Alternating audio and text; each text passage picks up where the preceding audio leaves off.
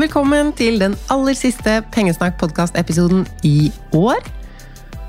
Tusen takk for alle tilbakemeldingene på lytterepisodene som vi har hørt nå. Det kommer et par til på nyåret, men jeg måtte innom her nå med en egen episode, og det skal handle mye om tall.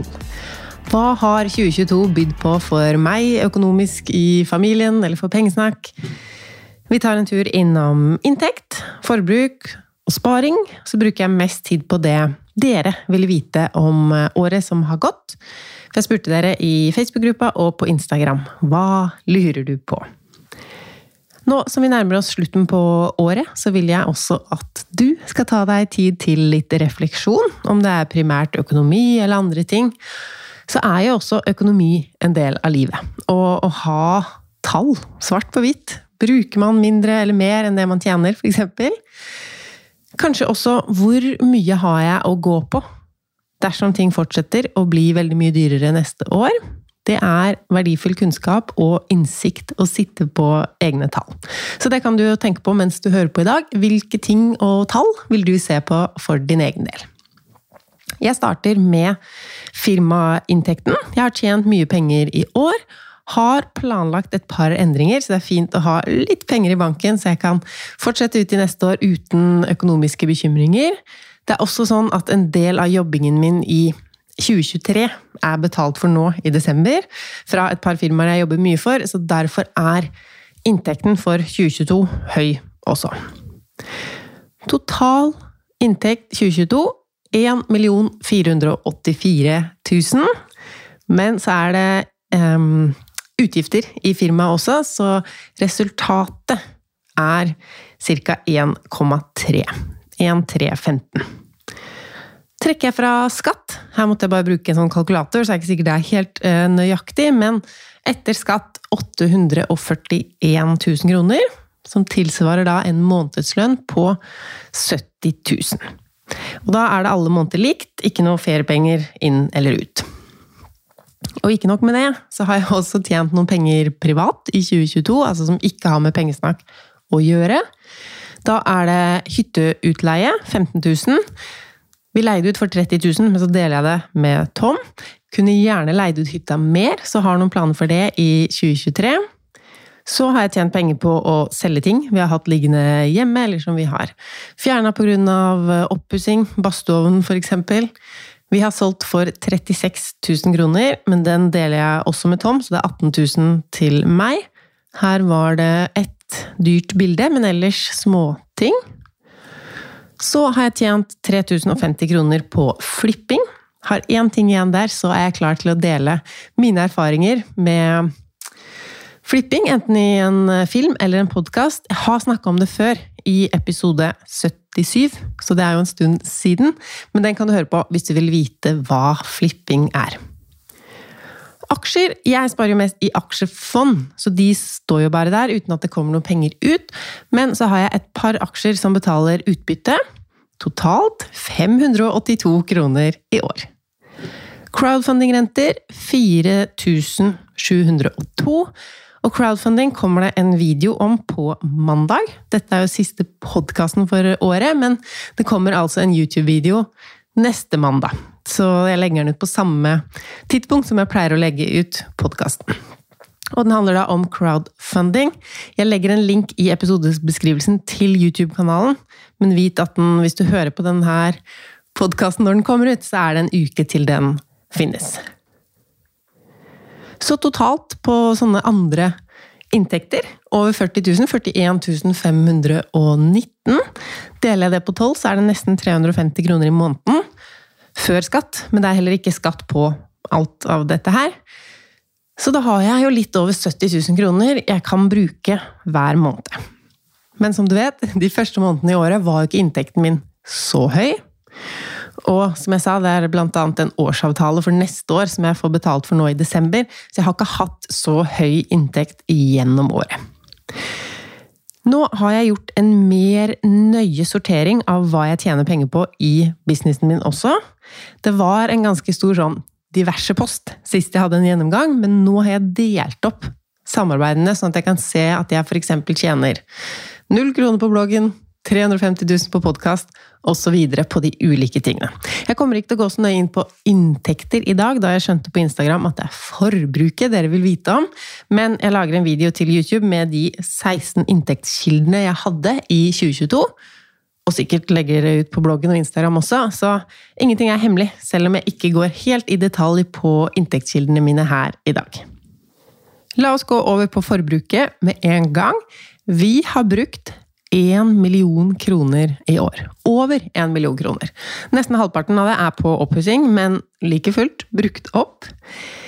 Når jeg har sett på forbruket, så har jeg delt summene på tolv for at det skal tilsvare månedsforbruk. Altså plussa sammen det jeg og vi har brukt hver måned, og så delt det på tolv igjen.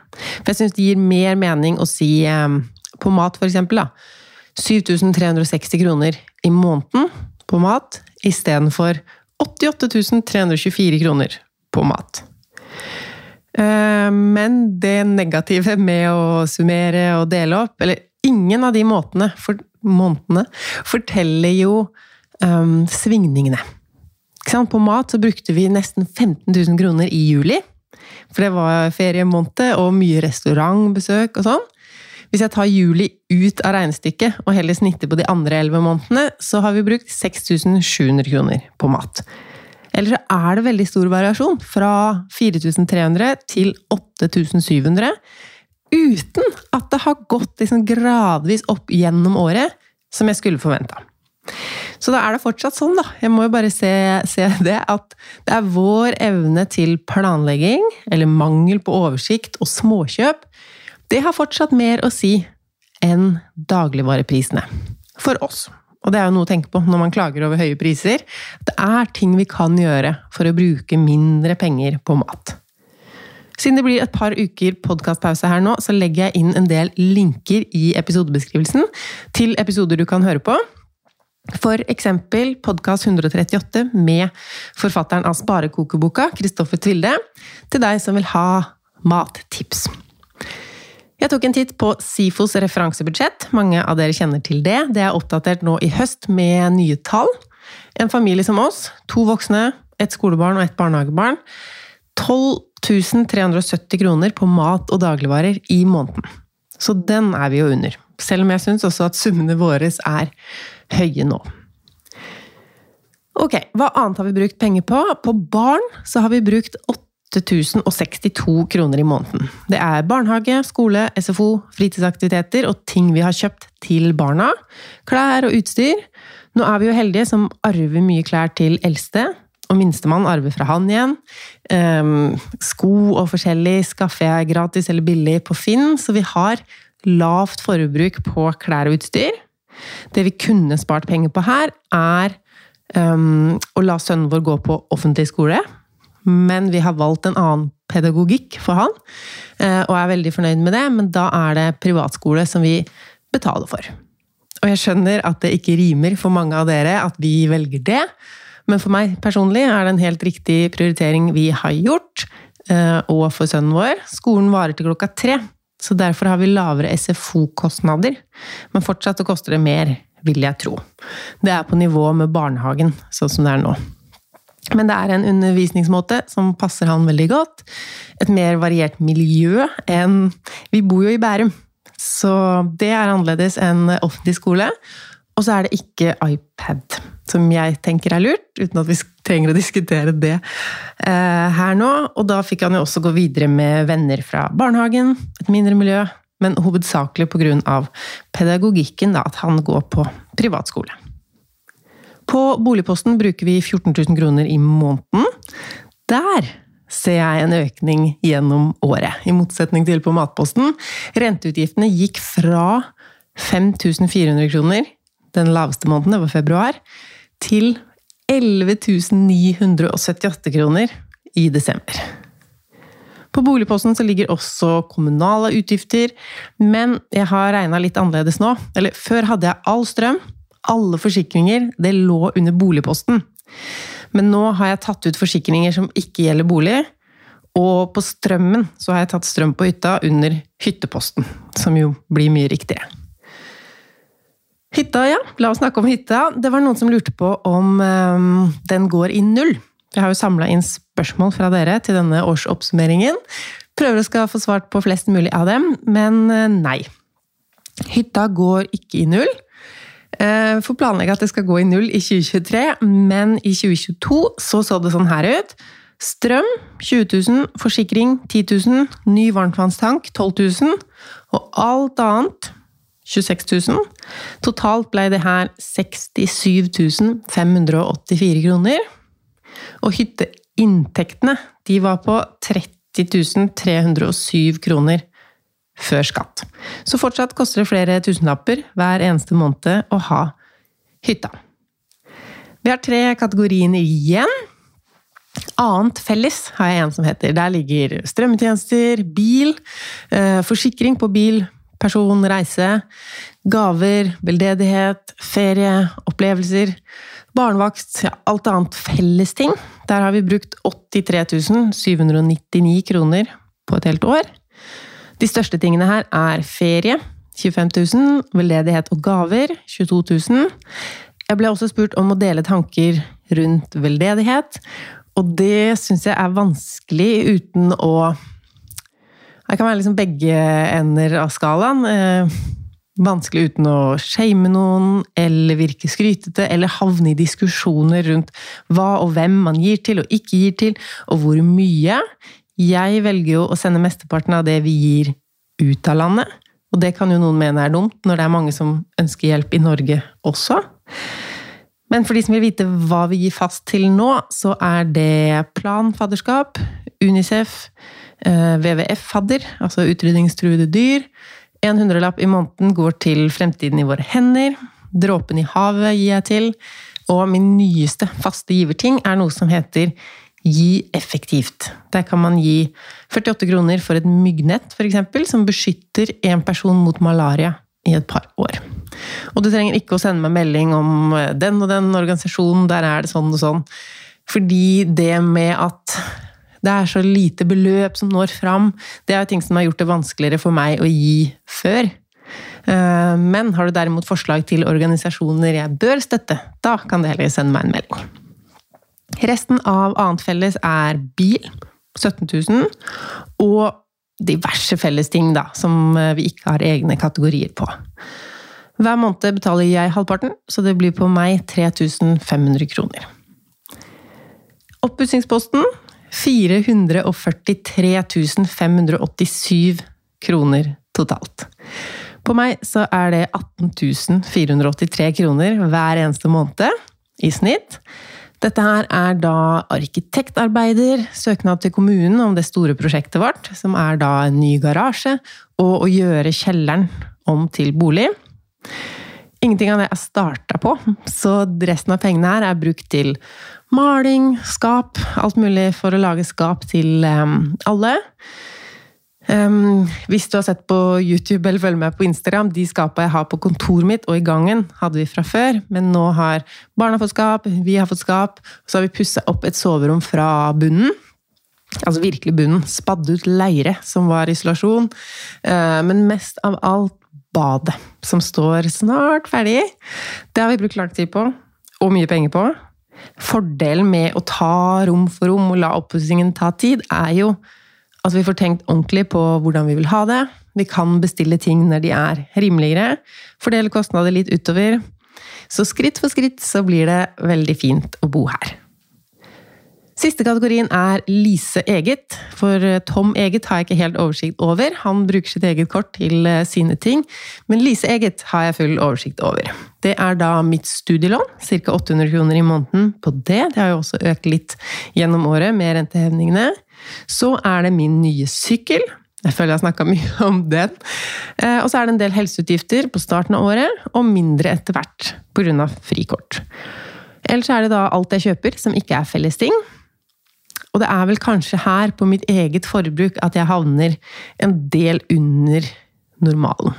Eller vet ikke, jeg har jo brukt 50 000 kroner. Uh, halvparten av det er sykkel, så ca. 2000 kroner i måneden, da, som er Lånekasse, helseting ja, Utdrikningslag, har vært i to utdrikningslag. Og klær. Det er flere som har spurt om klesbudsjettet mitt. Jeg har faktisk kjøpt ganske mange plagg i år. Var på to handlerunder. Den første gjorde jeg i sommerferien, da buksa mi endelig revna. Jeg sier endelig, for jeg har ikke likt den buksa så godt, for den er sånn kort på beina, og jeg er ganske høy. Um, og det skjedde på hytta, og jeg hadde ikke pakka med meg noe varmt tøy. Kofferten min, eller ryggsekken, så ut som jeg hadde pakka til en Spania-tur, mens hytta ja, i hvert fall trengte jeg litt varme klær òg. Så jeg dro på outlet-shopping, så det ble ikke så veldig dyrt. En jeans kjøpte jeg til 300 kroner, en fleecegenser til 100 kroner, og den grønne joggedressen du kanskje har sett meg med, 359 kosta den. Og så er det ikke rart med det. Nå har ikke jeg kjøpt noe fra klesbutikk siden 2017, kanskje. Mulig det har vært noe, men lite klesforbruk, og jeg kjøper brukt. Men etter den shoppinga i sommer, så var det akkurat som at øynene mine var åpna for å kjøpe ting i butikk. Så da shoppa jeg igjen. Jeg skulle bare på lekeplass, og så ble jeg sittende og se på et stativ med kjoler til 300 kroner. Så da kjøpte jeg en sommerkjole som eh, jeg bodde i hele resten av sommeren. Um, Kikka også på to andre ting som jeg ga meg selv at jeg måtte vente et døgn, da. Og så tenkte jeg mer og mer på de klærne, og dro og kjøpte det dagen etter. Det var en kjole som jeg brukte i to av de fire bryllupene vi var i i år. Og en lang, varm strikkejakke. Som også var, den var på halv pris, men kosta fortsatt 1500 kroner. En fin butikk jeg plutselig havna i. Så totalforbruket mitt på klær 2022 er 2959, så nesten 3000 kroner i 2022 tror kanskje jeg brukte like mye i 2021, men da var det bare second hand-ting. To fine jakker og den gule skjorta jeg alltid Ok, nok om klær. 3000 kroner på klær. Jeg har jo ikke noe dyr hobby, reisevaner, dingser jeg må ha, sminke um, Det var lett å spare mye når jeg var alene, eller før barn, grunn, på grunn av at um, jeg bruker lite på sånne egne ting. Og nå er det lett å spare mye fordi jeg tjener mye. Så liksom årsaken har endra seg. Jeg tenker vi bruker ganske normal mengde penger nå.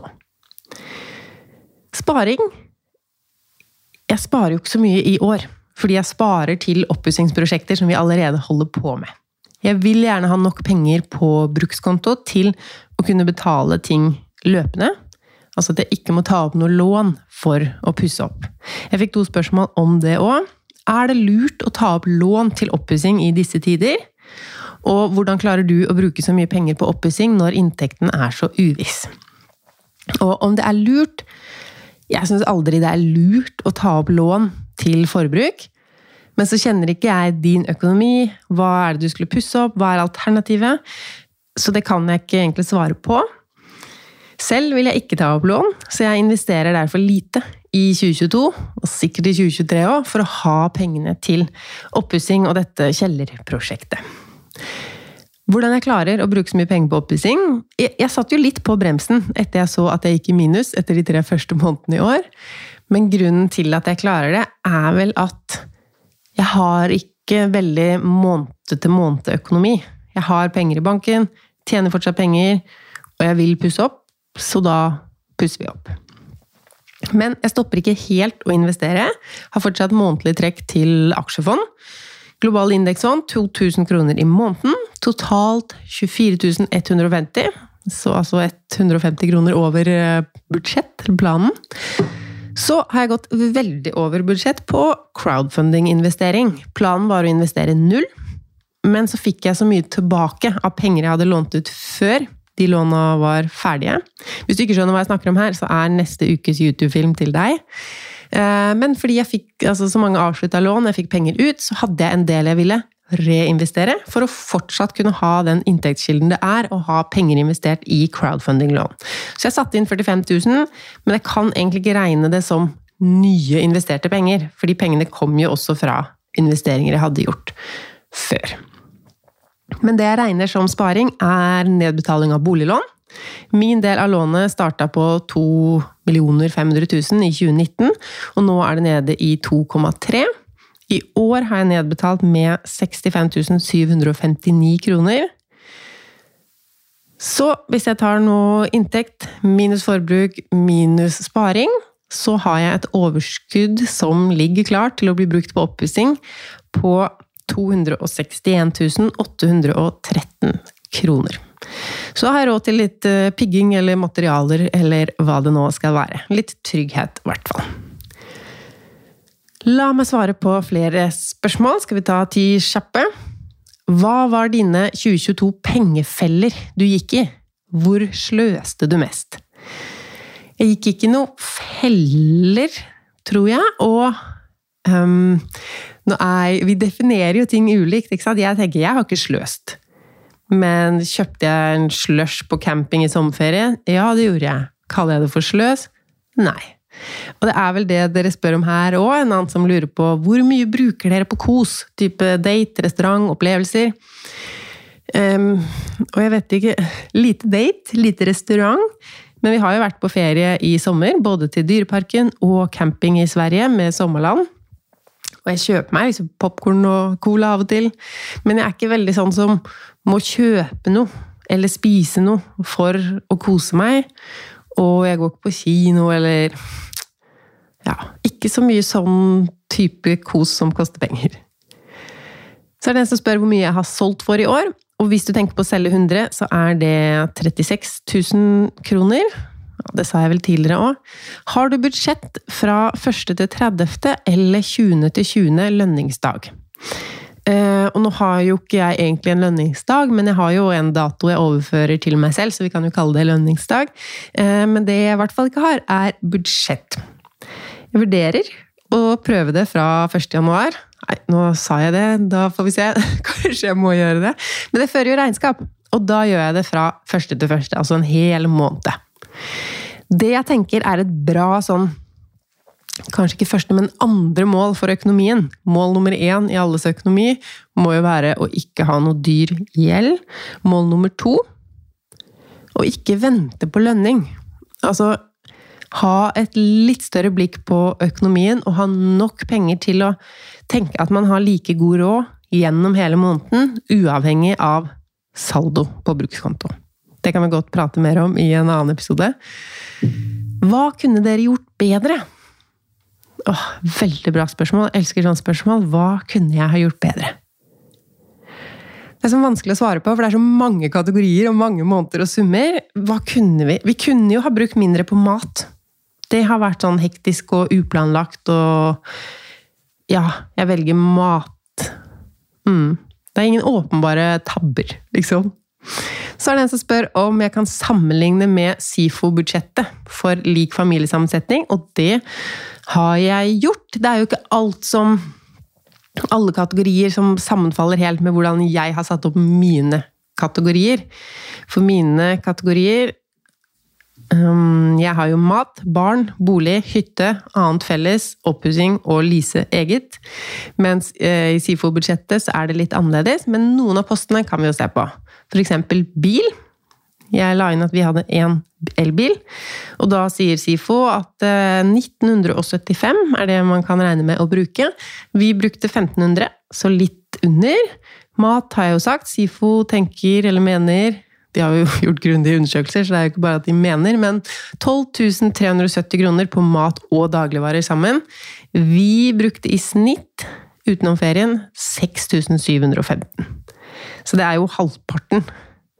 Og jeg føler at vi har At der har vi en del å gå på. Ja, ok. Neste er klær og sko. 3600. Og det ligner jo mer på årsbudsjettet enn månedsbudsjettet vårt der. Mitt personlige forbruk på klær, hvis vi deler det på månedlig, så er jo det 250 kroner måneden.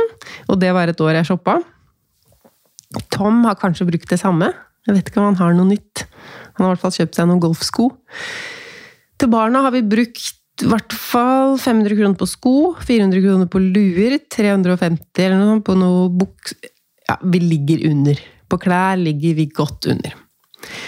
Møbler 670 i måneden her ligger vi så langt over at det er helt Hva skal kalle det? Latterlig eller tragisk, eller um, Det der er vel det vi bruker i uka, sikkert. Bare noen dørhåndtak eller hengsler, et skuff til et skap. Vi har også kjøpt lamper, badekar Altså, her har vi brukt alt det vi har spart på de andre postene, og vel så det. Jeg har jo ikke en egen linje for møbler i regnskapet, fordi det heter oppussing alt sammen. Så jeg har ikke noe sum å sammenligne med. Men Den ville vært veldig høy. Så er det personlig pleie. 2370. Og her begynner vi på det som Det er ikke så lett å sammenligne når vi ikke har de samme kategoriene som dette referansebudsjettet. Personlig pleie skal ifølge SIFO dekke utgifter som såpe, enkel tannpleie, begrenset mengde kosmetikk, godlukt, frisør, barbersaker, bleier med mer. Et tannlegeettersyn og én konsultasjon hos fastlege per år inngår også. Og her er det jo ganske mye som går under mat for oss, siden det kjøpes på butikken, som håndsåpe f.eks. Frisør går jo ikke jeg og barna til, eh, det er det bare Tom som går til, og ikke hver gang. Men jeg har jo vært en del hos leger og sånn, så i starten av året så var jeg nok på høyden her med referansebudsjettet. Men ellers så må vi ha brukt under, altså. Lek og mediebruk den passer heller ikke inn med hvilke kategorier vi har, men eh, Emrik fikk jo en ny sykkel til bursdagen sin. Eller ny, den var brukt, men fortsatt dyr. Og han går på flere fritidsaktiviteter. Men det gjør jo ikke vi voksne, eller minstemann. Bøker kjøper vi på loppemarked eller låner på biblioteket, så vi kommer ikke opp i 4390 kroner i måneden her, altså. Selv om vi har vært på lekeland tre ganger i år. Reise kollektivt så har SIFO-budsjettet 2035, men jeg jobber jo hjemmefra, så det blir jo ikke så mye. Og så kommer det enda en kategori som heter mediebruk og fritid. Jeg vet ikke helt hva som er forskjellen på den og lek og mediebruk, men eh, her 2210 i SIFO-budsjettet. Og hvis jeg tenker at sommerferien er vår fritid, så er vi on point her med 24 924, som vi brukte på ferie og opplevelser. Passer jo med SIFO-budsjettet for mediebruk og fritid, 26 520 kroner årlig. Siste er barnehage og SFO.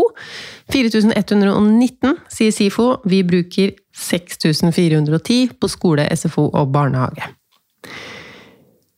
så er det jo alle disse tingene som ikke inkluderes i SIFO, som bokostnader, hytte, oppussing, strøm Ja. Nytt spørsmål. Hvor mye har det blitt i uforutsette utgifter? Og det får jeg ikke svart på, fordi siden jeg ikke bruker budsjett, så har jeg jo ikke noe forutsette utgifter heller. Men det har ikke kommet noe annet enn den varmtvannstanken på hytta, som er jo en sånn veldig typisk uforutsett utgift. Man regner jo ikke med at plutselig skal det sprute varmt vann ut, og at alt det må byttes og ordnes. Hva nytt har du lært i år? Hmm, det jeg har lært, eller i hvert fall begynt med, da, er å la andre hjelpe meg med pengesnakk. At jeg har vært veldig egen og tenkt det kan ikke være noen andre hender inne her. Um, men nå får jeg jo hjelp med filmene mine, har hatt hjelp med nettsiden min. Hvis du går og ser nå på pengesnakk.no, det er ikke helt ferdig alle undersider, og sånn, men den ser i hvert fall veldig fin ut. Også hatt fotograf til å ta bilder der. Har hjelp med annonsør, altså sponsor, altså avtaler. Avtalebiten og forhandlinger. Uh, og det har gått bra. Jeg har klart å slippe noen ting som jeg tenkte jeg ikke skulle klare å slippe. Så er det en som spør om nye vaner. Eller kanskje var det samme person som spurte om Ja, uansett. Nye vaner. Da er det vaskerutinen min. Morgenrutine og vaskerutine.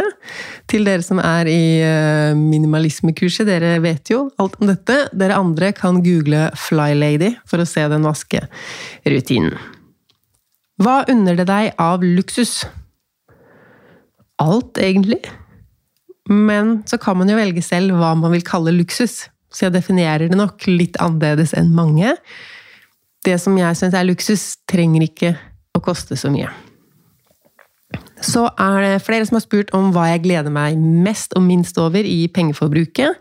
Eller av det vi brukte penger på, hva var mest og minst verdt det? Og da har jeg tenkt på flere ting, egentlig. da. Sommerferien. Altså både reisen og sommerferien på hytta. Det var det beste. Um, Oppussinga. Jeg setter veldig pris på det som begynner å bli ferdig. Nå har jeg fått lister her på kontoret hvor jeg sitter nå og ja, jeg har veldig stor glede av det. Og så sykkelen min. Det må jeg uten tvil si. Nå har jeg til og med brukt den i desember. Selv om jeg ikke er noen vintersykler. Så ja, den sykkelen har vi veldig mye glede av. Minst det blir kanskje økte rentekostnader. Det er kjipt å betale mer når man har blitt vant til å betale mindre.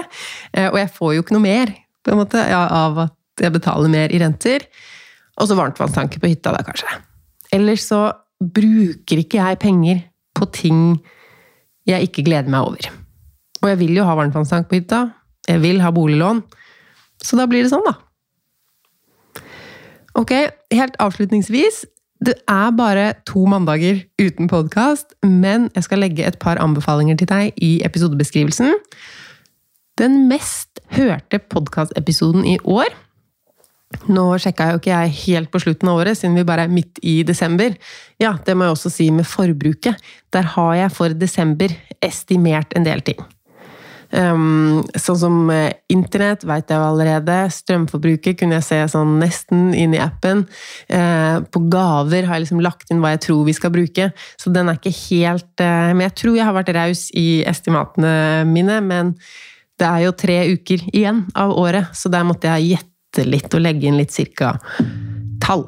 Men den mest hørte podkastepisoden i år er Slik sparte jeg 700 000 kroner på et år.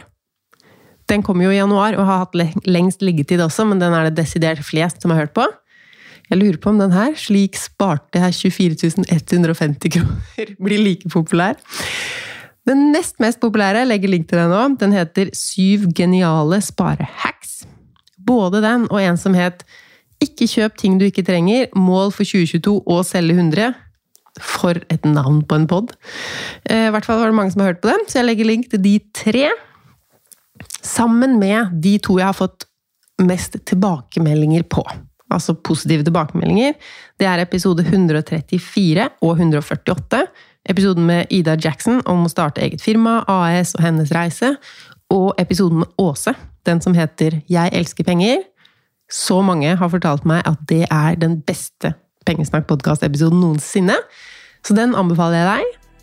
Det mest sette på YouTube i år er en film som heter Ti ting jeg ikke bruker penger på. Um, så er det Familie på fire spiser for 1000 kroner uka. Og en ryddefilm. Rydde kjøkkenet og dele ryddetips. Det er topp tre. Så jeg linker til de også, og ønsker deg en god jul.